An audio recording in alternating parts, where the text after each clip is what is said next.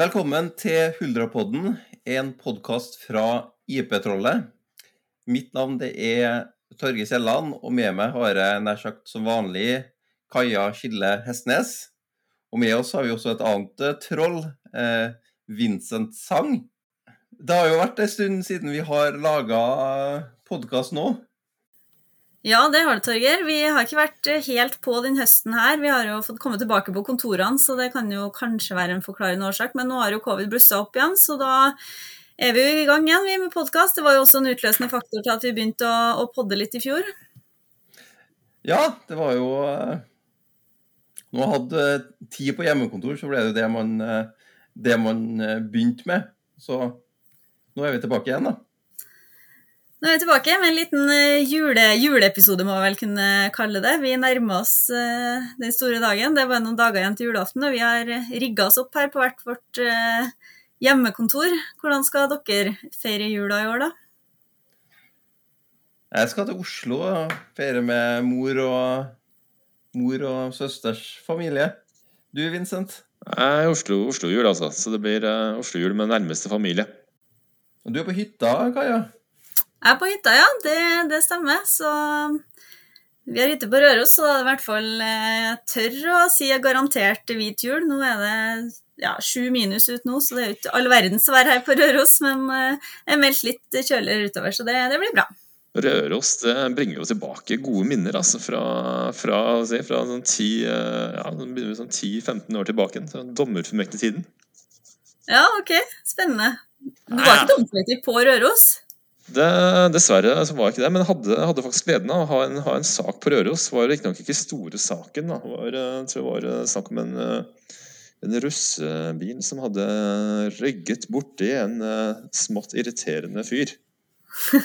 så ikke, ikke noe stor sak. Men, men, jeg fikk med meg et, et opphold og ja, tur til Røros. Og var jo også med, ja, det ga mersmak, så var jeg med på Rørosmartnan senere. Eller altså neste år. Så det var, det, ble, det var da du ble prakka på et reinsdyrskinn som røyta, var det ikke det? Jo da, det, det, var det det var. Så, så, si, sånn, så etter det da, så er det som selgere som uh, gir seg ut for å representere uh, samiske folk, og som skal selge meg da et kvalitetsprodukt basert på lange tradisjoner. Har jeg sluttet å stole på dem. altså. Det er, uh, dette er cultural appropriation. I verste fall. Ja, jeg får ta turen bort på Martnan i løpet av jeg vet ikke når det er vel februar, eller noe sånt, så får vi se om de fortsatt er, til stede, Vincent. Skal jeg hilse fra deg. Ja, fy søren, altså. Jeg har aldri glemt det skinnet, kan du si. Krever mine 800 kroner tilbake. ja, har du skinnet fortsatt, eller? Nei, nei, nei det, jeg, tror at, jeg tror at det røk jeg, sånn i 2012 eller noe sånt. Nei, eh, altså jeg hadde det sånn røytende liggende et eller annet sted, men eh, jeg tror det er i forbindelse med flytting etter at jeg kom tilbake igjen fra Tyskland, så, ja, så havna det på fyllinga. Skal vi komme i gang med det vi eh, har tenkt å snakke om i dag? Ja, vi må vel kanskje det òg. Det har jo kommet to nye avgjørelser den siste uka fra Høyesterett. Det er jo det vi har tenkt å ta for oss eh, i dag, eller hva, Torgeir? Ja, Høyesterett har jo gitt oss, eh, oss immaterialrettsjurister ikke bare én, men to julegaver her i eh, førjula. Det kommer med avgjørelser i, i saken om Stortorvet gjestgiveri og Bank Norwegian.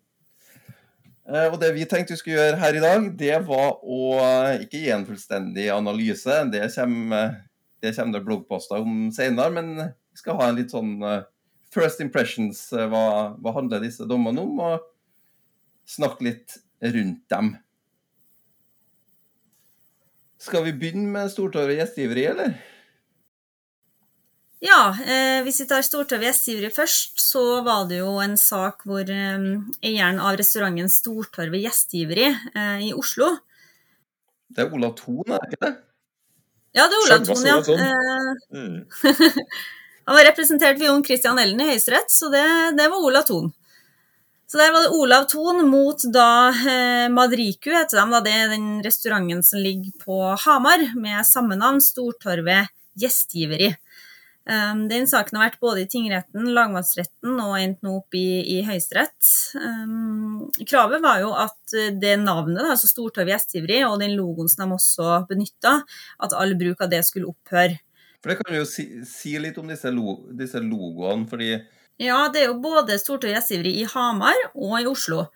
Så logoen er jo eh, basert på selvfølgelig på navnet, da, Stortorvet gjestgiveri. Det bruker jo begge to i, i, sin, eh, i sin, logo. Eh, eneste forskjellen der er jo egentlig at det er en æ i det som er i Oslo-restauranten, mens det skrives med e i, i Hamar-restauranten.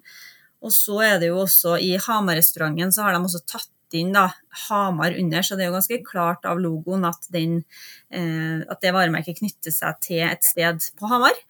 Eh, mens det i den eh, fra Oslo, så er det jo da inntatt et figurativt element, som da er, det er vel lokalene i Ja, det er rett og slett lokalene på, på Ja, det er vel det. Det er det. Eh, så de er jo litt sånn ulike sånn sett da ved første øyekast, men det er jo spørsmålet om det Stortorvet gjestgiveri, da. Det er jo det som er det sentrale i, i saken, sånn sett. Og der er vel tekstelementene også ganske like. altså Det Stortorvet gjestgiveri med E og Æ skrevet med litt sånn gammeldags, litt sånn gammeldagse bokstaver. Ja, litt sånn gammeldags gotisk eh, stil. Ganske lik, egentlig, når jeg sitter og ser på det nå. Men hva hjelper det? For i tingretten så kom de riktignok til at det var eh, i strid med markedsføringsloven. Um, mens i lagmannsretten og i Høyesterett så kom de da til at det her eh, var tillatt bruk. Så Olav Thon gikk med andre ord, Torger, ikke seirende ut av den tvisten her. Ja. For det Høyesterett først drøfter, er jo om bruken av navnet Stortorvet gjestgiveri på Hamar innebærer et inngrep i Stortorvet gjestgiveri, eller Olav Thon da, sitt registrerte varemerke, som er da Stortorvet gjestgiveri, eh, med gamle bokstaver og dette figurelementet, som egentlig er bygget Eh, gjestgiveriet på, på Stortorvet. Eh, og Høyesterett tar da utgangspunkt i dette eh, tekstelementet og legger til grunn at, at uh, Stortorvet gjestgiveri, skrevet med gamle bokstaver, er en del av varemerket som ikke har, eh, i seg sjøl ikke har særpreg, og at det da ikke har vern eh, etter varemerkeloven § 5 første ledd, og at det derfor ikke foreligger noe, noe inngrep i det registrerte varemerket. Ja, det er helt riktig, Sager. Og i tillegg så vurderer de jo også om det kan være en krenkelse av et innarbeida varemerke. Og da går Høyesterett inn i en vurdering av om Stortorv gjestgiveri, altså Ton sitt varemerke, da, er innarbeida. Uh, og det er jo ganske kjent for de fleste lytterne her at det skal en del til for å få innarbeida et varemerke som er beskrivende. Men det kan jo få tilstrekkelig særpreg gjennom innarbeidelse, så det er naturlig å være innom det. Uh, og her uttaler jo uh, Høyesterett bl.a. at den langvarige bruken Her var det snakk om en bruk i over 100 år, riktignok i litt ulik utforming, da, men at det kan ha medført et innarbeidelsesvern i, i Oslo-området. Eh, sånn som jeg leser Høyesterett, så tar de ikke noe endelig stilling til det, og det trenger de jo heller ikke, for motpartens restaurant befinner seg jo som sagt i Hamar. Og retten finner verken at Stortorvet gjestgiveri er innarbeida som varemerke på landsbasis eller i Hamar-området. Så da blir det jo ikke noe igjen til den varemerkerettslige krenkelsen, for å si det sånn, for det er jo heller ikke noe varemerkerett på dette grunnlaget. Nei, for Problemet her er jo denne er jo at Stortorvet nærmest er en geografisk angivelse. ikke sant? Altså, Det finnes et stortorv i, i uh, Oslo, og det finnes et stortorv på Hamar, og det finnes et stortorv ganske mange andre plasser. I mange andre byer, ja. Ja, det er jo akkurat det de er inne på Høyesterett i den vurderinga, særlig når de vurderer det registrerte varemerket, som du var inne på, så sier de jo at selve ordsammenstillinga angir jo både på en måte tjenestens art ved at det er et serveringssted, det er jo også et gjestgiveri, Eh, og Der har det også vært lagt frem en del bevisførsel knytta til det, sånn som jeg forstår det. Eh, at det er mange plasser i, i Ikke mange plasser, men mange merker i, i Norge da, som bruker gjestgiveri i sin, sin, betegnelse. Og så er det den geografiske plasseringa, at det er ved et stortorv. da. Men så går de jo etter det over til om det er et brudd på markedsføringsloven. Eh, og Der viser de jo innledningsvis til Bank Norwegian-saken, som vi også skal komme inn på. Så vi trenger kanskje ikke å gå inn i den vurderinga om forholdet mellom varemerkeretten og markedsføringsloven her. Men eh, de eh, hopper rett inn i den markedsføringsrettslige vurderinga om forvekslingsfare, og hopper egentlig over det vilkåret som knytter seg til etterligning. Så der går de inn i forvekslingsfaren og kommer inn på det som vi allerede har hinta litt frempå her, da, at det er jo ganske sentralt at den geografiske betegnelsen, som også både fremgår av varemerket, i hvert fall for Hamar sin del, men også det at de er plassert på to ulike plasser, gjør det at den eh, plasseringa vil være ulik, og at de dermed har da også en ulik kundekrets de retter seg mot. Så det vil ikke være noe, noe forvekslingsfare her, da. Um, og det som utløste dette her, var vel egentlig at, at uh, man oppdaga noen feil, feil, feilbestillinger. ja, altså, som... Sånn sett så kan man jo kanskje si at de gjør både en indirekte forvekslingsfare ved at det eh, ikke kan på en måte anses å være noe eh, forbindelse mellom de to serveringsstedene, eh, og så det med direkte forveksling at de faktisk har bevist, antar jeg, da, siden de legger vekt på det, at det har vært eh, feilbestillinger her. Men det sier jo Høyesterett at uh, skyldes at, det det, at, de har så beskrivende merke begge to, da. Det fører vel egentlig til at denne forvekslingsfaren kanskje også kommer Stortorvet gjestgiveri i Oslo til gode. ja, ikke sant. Ja. Det kan også Kanskje Ola Thon skal være fornøyd, egentlig, er det det du prøver å si, Vincent? Nei, Høyesterett som sier, antyder det. At uh, altså, julebordsgjester som hadde sett fra julebordet på Hamar, plutselig ser uh, snittet til å ta seg en Oslo-tur i stedet. Men nå er jo ja. den, ja. Det blir vanskelig akkurat nå, da, men uh, vi får se til neste sesong om det gir seg utslag i noen noe ytterligere gjester fra Hamar. All PR er god PR, og begge serveringssteder har vel fått, har fått litt omtale i forbindelse med denne saken. Jeg lurer på, Får man, får man plass til hester på Stortorvet gjestgiveri på Hamar? mm.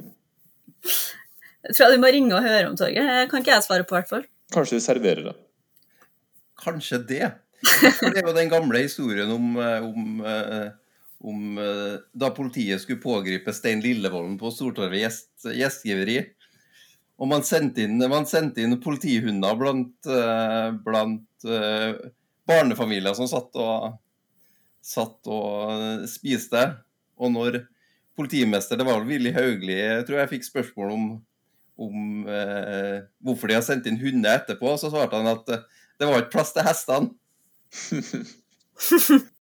Men vi tenker vel at Høyesterett har kommet til rett resultat i Stortorget gjestgiveri, gjør ikke vi det? Vanskelig å se meg for noe annet, altså, egentlig. Ja. Uh, ja, litt overrasket over at den slapp inn egentlig. Ja. Vil jeg, vil jeg si. Så nei. Det var vel ikke så mye å hva, hva, har vi egentlig lært uh, av altså, Ester uh, Høyesterett sin avgjørelse i Stortorvet gjestgiveri, uh, ja, som vi ikke visste før? Eller som det var behov for at Høyesterett skulle gi oss en påminnelse om? At, hmm. at kjennetegn uten særpreg har svakt vern? Hvis du skal starte opp restaurant, så velg et uh, kjennetegn med litt mer særpreg.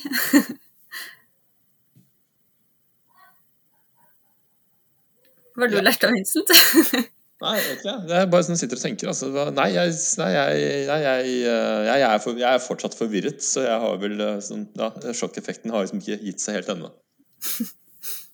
jeg lurer fortsatt på hvorfor den ble tatt inn, men jeg syns vel det var en spennende sak, da.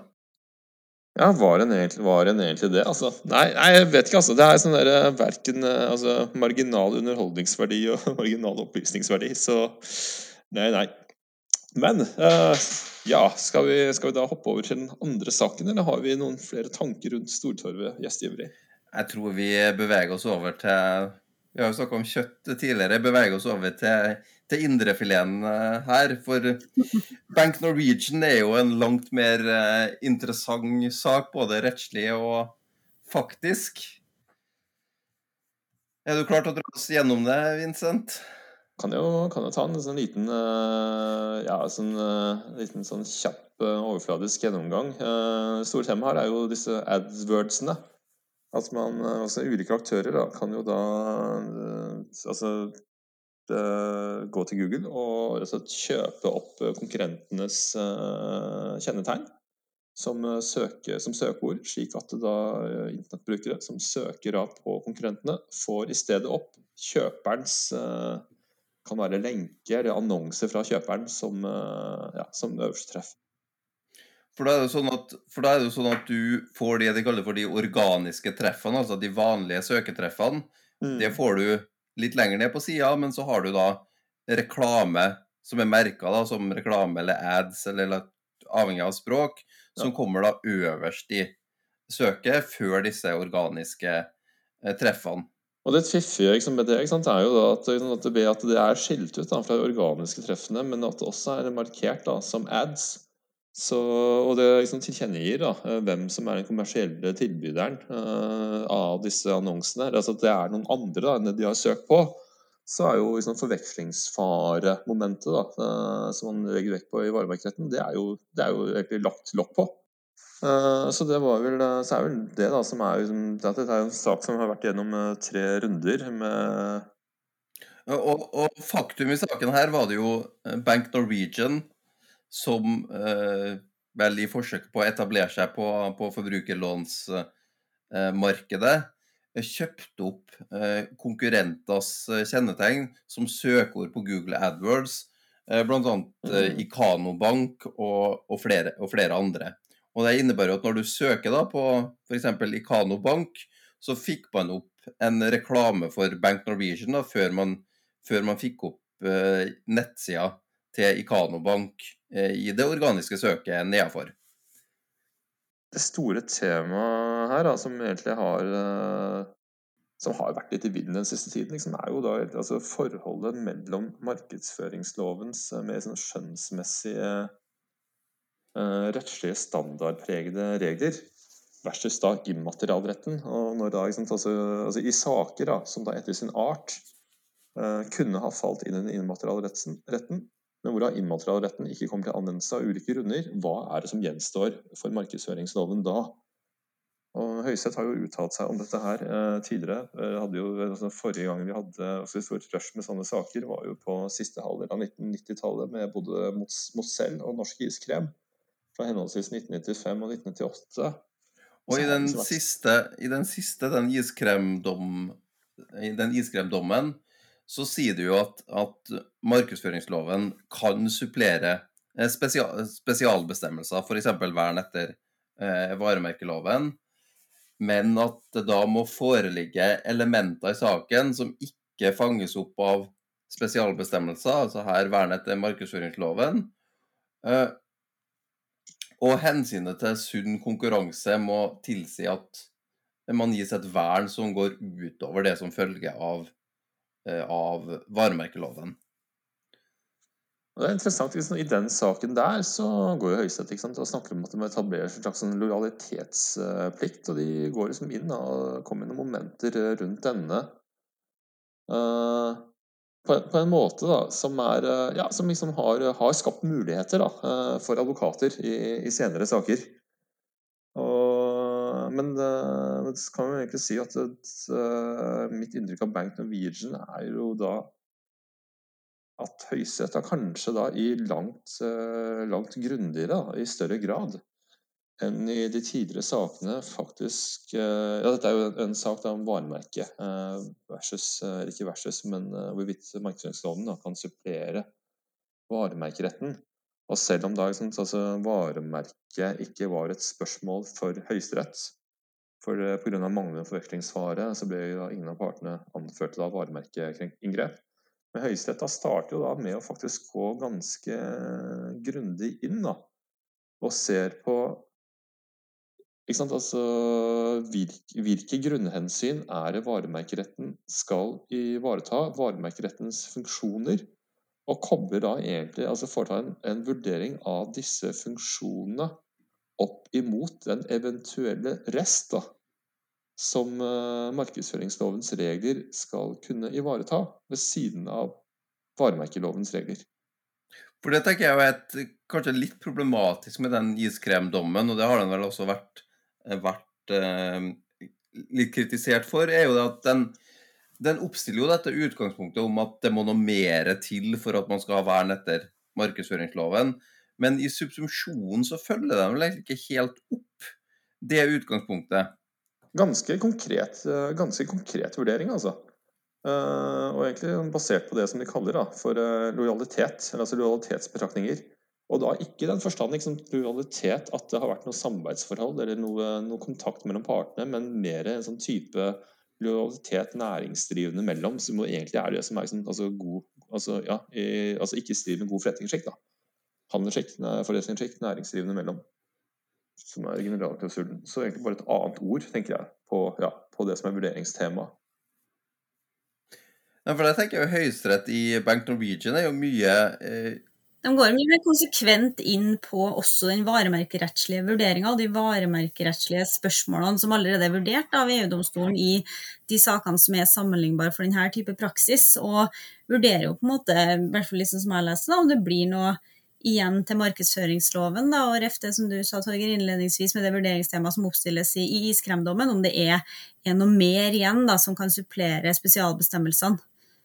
Og det er jo sant, altså, altså, altså Grunnfunksjonene til, altså funksjonene til varemerkeretten som man nettopp regulerer da, eh, som har ulike effekter på markedet, eller, eh, og at liksom, Det er disse tingene da, som da Høyesterett går ganske langt inn og vurderer, da, selv om denne saken da ikke er uh, kjørt da, som en varemerkesak. Uh, og, og bruker, bruker, egentlig liksom dette da, som argumenter senere da, for å ja, Som du sier, Feia, altså, hva er resten? Når, mm. når da, når da liksom alle disse tingene her er vurdert. Og det er jo da, altså det er jo ikke denne saken, men i altså samme sakskompleks, i hvert fall eh, mellom i stor grad de samme parter, så har det også vært en avgjørelse i Næringslivets konkurranseutvalg fra 2017. Hvor sant, Næringslivets konkurranseutvalg gikk nettopp inn på at det var at altså De har jo ikke kompetanse til å vurdere varemerkerettslig, men de fremholdt da at det var liksom noe mer, da, et slags sånn snylte, snylteaspekt som jo blir eh, ryddet av veien da, av Høyesterett ved å, at det knyttes opp imot da, eh, drøftelsen av varmemerkerettens grunnfunksjoner. Og Der tenker jeg Høyesterett, eh, Høyesteretts avgjørelse er veldig instruktiv, fordi at den eh, nærmest forutsetter at når det er et spørsmål om man har et eh, som her da, spørsmål om man har et vern etter markedsføringsloven som går utover det som følger av, av varemerkeloven, så må man foreta en prejudisiell vurdering av om eh, dette ville vært et inngrep etter varemerkeloven, og eh, om da de, de, hensyn man påberoper seg etter markedsføringsloven, er beskytta etter eh, varemerkeloven. Og altså om det da er noe mer igjen til eh, som kan rammes av eh, markedsføringsloven på sett og vis litt sånn corny, på en måte. For altså når, eh, når sånn saken først ikke er kjørt som en varemerkesak, og alle er enige om at varemerkeloven ikke gjelder da, eh, for den aktuelle saken, men at man allikevel liksom går så grundig gjennom varemerkeretten. Men det er jo som sier, altså, det, siste som sier, at det er jo da for å, for egentlig, altså, si, krysse av, nærmest. da, Sjekke av. Uh, si, uh, legislative hensyn. altså som, som, ligger bak da, varemerke, varemerkeretten.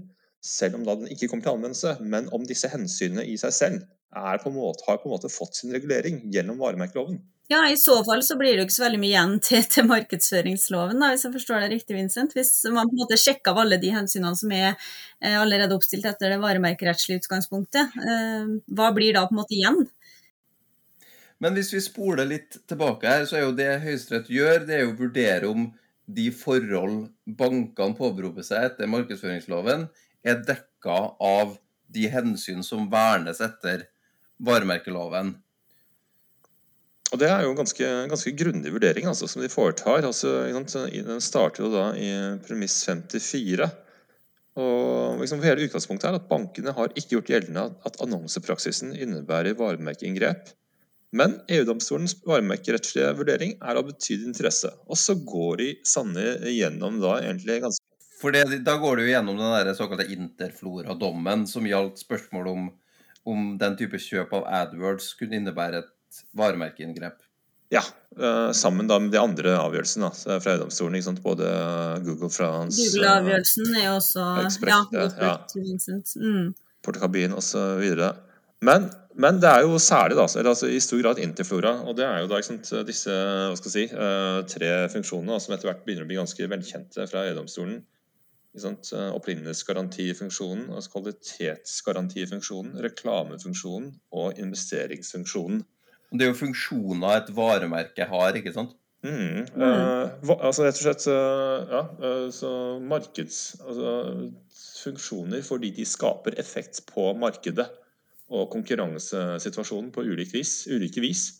Og, og, som da eh, Høyesterett også anser som relevant da, når de da liksom, skal vurdere markedsføringsloven. Altså hvorvidt da, liksom, disse funksjonene konsumerer da, på en måte ja, de interessene som er beskyttet til markedsføringsloven.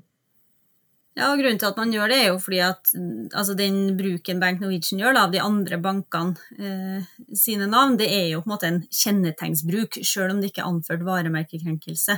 I hvert fall slik som jeg leste. Der er jo Høyesterett inne på det at eh, saklig sett så feller jo det da eh, grunnlaget, altså påstandsgrunnlaget da, som, som bankene anfører, vil jo felle inn under det som er den varemerkerettslige reguleringa av det tilsvarende spørsmålet. En annen ting som jeg også tenker på, det er jo sånn at det virker som Høyesterett nærmest liksom, i, altså, i, en sak, da, uh, kjennetegnssak, nærmest lukker døra for vern etter markedsføringsloven.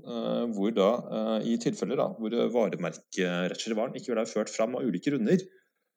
ja, det må i hvert fall kreves noe mer, da, hvis man skal ta den iskremdommen og videreføre den. Ja, det, blir, det, må jo eventuelt bli det, altså. Men her blir det jo et spørsmål, i hvert fall i den, i den konkrete saken her, da, så, så, er de jo inne på det helt avslutningsvis i den uh, konkrete vurderinga. Men når det ikke er på en måte noe illojalitet eller subjektive elementer i tillegg, da, så, så, blir det på en måte vanskelig å se hva er det som blir igjen da til markedsføringsloven. Kanskje ingenting, og kanskje, kanskje det er riktig, men uh, ja. Døra er, døra er, godt lukket, eh, med mindre man har tidligere samarbeidsforhold eller den type, den type ting, kan det virke som. og ja, det må i hvert fall kunne statueres noe som er noe illojalt. Ofte er det jo det som du sier, Vincent, at man har hatt en, en eh, connection i forkant. Men akkurat den konsekvensen, den, eh, den plager meg litt. På den annen side så er det også på en måte godt med klar tale fra Høyesterett. Jeg syns det er veldig instruktivt det de sier om at man i et tilfelle som dette eh, må vurdere Altså prejudisielt må vurdere Eh, hvilket vern og hvilke interesser som vernes etter eh, varemerkeloven. Og så kan man diskutere rekkevidden av, rekkevidden av det. Men at de sier det såpass klart, det, det syns jeg er bra. Ja, Det gjør det i hvert fall litt mer forutberegnelig. da, At man kan gjennomføre den vurderingen og se etter at man har kommet i mål med det. Har man noe igjen? Hvis ja, så kan man også slenge på en anførsel om markedsføringsloven. Men samtidig da, så er det, det plager meg litt altså, at uh, tanken mot løpet er nærmest kjørt, da, altså markedsføringsrettslig, hvis man av ulike grunner faller utenfor det varemerkerettslige vernet. Uh, ja. Men jeg tenker jo allikevel det er grunn til å stille litt spørsmål med uh, hva som egentlig faller innenfor det varemerkerettslige vernet da, i, i, en, i, en, konkret sak. Fordi jeg tenker det, det kanskje mest interessante interess argumentet til bankene her er dette om at, at, hvordan denne typen kjøp av konkurrenters kjennetegn som søkeord påvirker markedet som sådan. Og kanskje særlig dette argumentet om at, at uh, man, er, man, er, nødt til å kjøpe sitt eget kjennetegn eh, som søkeord for å ha, for å ha vern, som også, som også uh, bankene påberopt seg. Og det er jo en anførsel som Høyesterett ikke kommenterer direkte, men de synes å ta det under, eh, under det at uh, konkurransemessige hensyn uh, vernes etter varemerkeloven. Det er vel avsnitt Skal vi se det er vel i avsnitt 92, og da henviser de til den Interflora-dommen som Vincent var inne på i stad, hvor de da mener at den praksisen er en sunn og lojal konkurranse, da, ut ifra konkurranseretten også. Nettopp. Men det er et ganske generelt, altså det er et ganske generelt standpunkt, da. Og mm. selv om de for så vidt mener at, at uh, Bank Norwegians kjøp av konkurrenters søkeord faller innenfor det som er sunn og lojal konkurranse etter, etter varemerkeloven, så er det ikke gitt at, at uh, en del andre ting, altså en del andre forhold i andre saker, vil, vil gjøre det, og at, at uh, dette med sunn og lojal konkurranse omfattes av varemerkeloven. Uh, omfanget av det er ikke gitt, tenker jeg. Jeg lurer litt på også, altså, altså det argumentet da, med konsekvensen at uh, næringsdrivende må kjøpe opp sine egne uh, kjennetegn. Altså, hvordan, hvordan, skulle man ha fanget opp den effekten i en varemerkerettslig argumentasjon, drøftelse? Hvor hadde den passet inn hen? Hm, ja. Så, og jeg, jeg, må innrømme at jeg har Det er en stund siden da, jeg har uh, lest Inn til Flora. Men jeg prøvde å se på den da, før vi snakket sammen nå i dag. Og akkurat den problemstillingen som er nevnt, jeg kan liksom ikke se at den er uttrykkelig drøftet av EU-domstolen. altså Verken Inn til Flora eller uh, som jeg vet om de andre sakene. Men her må jeg ta litt forbehold. Eh, men, men, det blir jo litt rart at en generell uttalelse om at den, altså den, type virksomhet at uh, i, i, uh, Gitt de konkrete forhold konkrete faktaene som EU-domstolen hadde foran seg i sine saker, i utgangspunktet anses for å være uttrykk da, for en sunn konkurranseatferd. At det skal på en måte bli tatt så generelt da, at det liksom ikke er noe rom for noe ytterligere ja, argumentasjon. Ja, nei, slik jeg leser så mener de i hvert fall at den vurderingen og avveiningen er foretatt av EU-domstolen når det gjelder varemerkeeierens behov, eh, mens, eh, eller, og at det ikke vil falle noe annerledes ut eh, i en vurdering etter markedsføringsloven.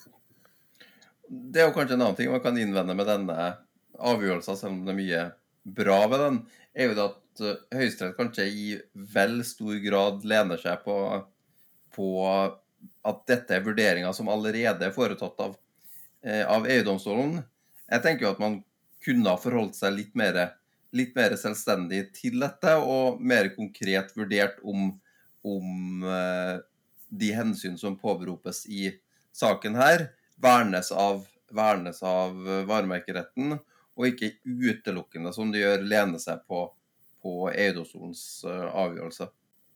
Og Det er også en sånn, uh, sånn besnærende tanke da, at aktører da, uh, som går til domstolene og egentlig er enige om at, dette, altså, at man faller utenfor varemerkerettslig vernet av ulike grunner, men allikevel har man argumenter som man da tenker man ønsker å kjøre etter markedsføringsloven, men da i stedet da, uh, kanskje blir tvunget da, til å allikevel argumentere varemerkerettslig og argumentere for hvorfor de aktuelle hensynene da, omfattes, ikke omfattes av varemerkeretten.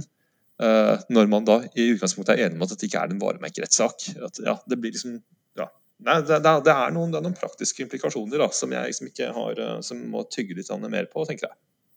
Over mm. julen. Ja.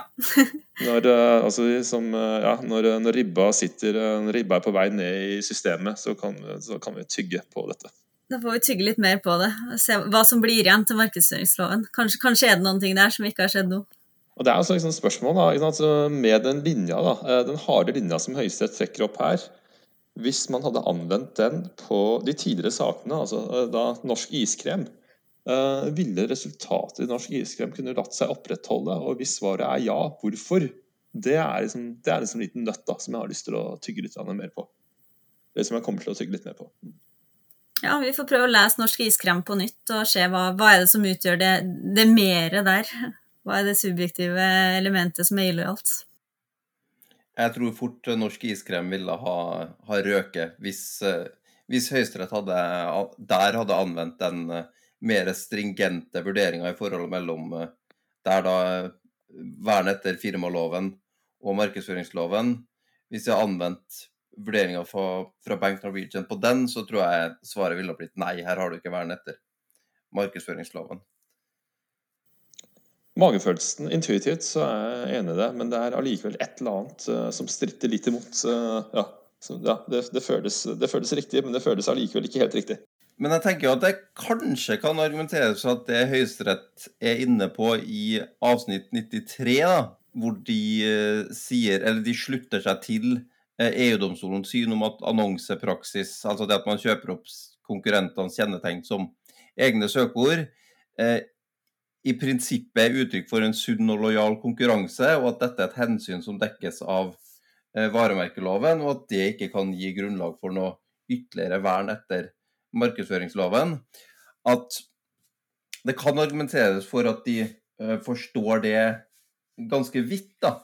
Og at uh, det ikke nødvendigvis vil være tilfellet i, i, i, senere saker hvor man påberoper seg markedsføringsloven, og at litt dette hva man anser som en sunn og lojal konkurranse som vernes etter varemerkeloven, kan få litt, betyd, få litt betydning for hva som gjenstår av vern etter markedsføringsloven. Mm, og det kan vel kanskje være et greit sted å sette punktum for i dag, Torger og Vincent? Jeg tenker det. Da gjenstår det vel egentlig bare å ønske våre lyttere god jul. God jul. Da er det god jul fra Kjelsås også. Du har nå hørt på Huldrapodden, en podkast fra Immaterialrettstrollet, en blogg tilgjengelig på iptrollet.no. Hvis du liker det du har hørt, så abonner på oss på Apple Podkast, Spotify eller Podbean, og gi oss gjerne en anmeldelse. Helst fem stjerner, naturligvis. Eh, vi mottar gjerne tips om temaer vi kan ta opp i podkasten, og du når oss ved å sende oss en melding på Facebook eller ved å sende en e-post til iptrollet at gmail.com. Ha det bra. Ha det.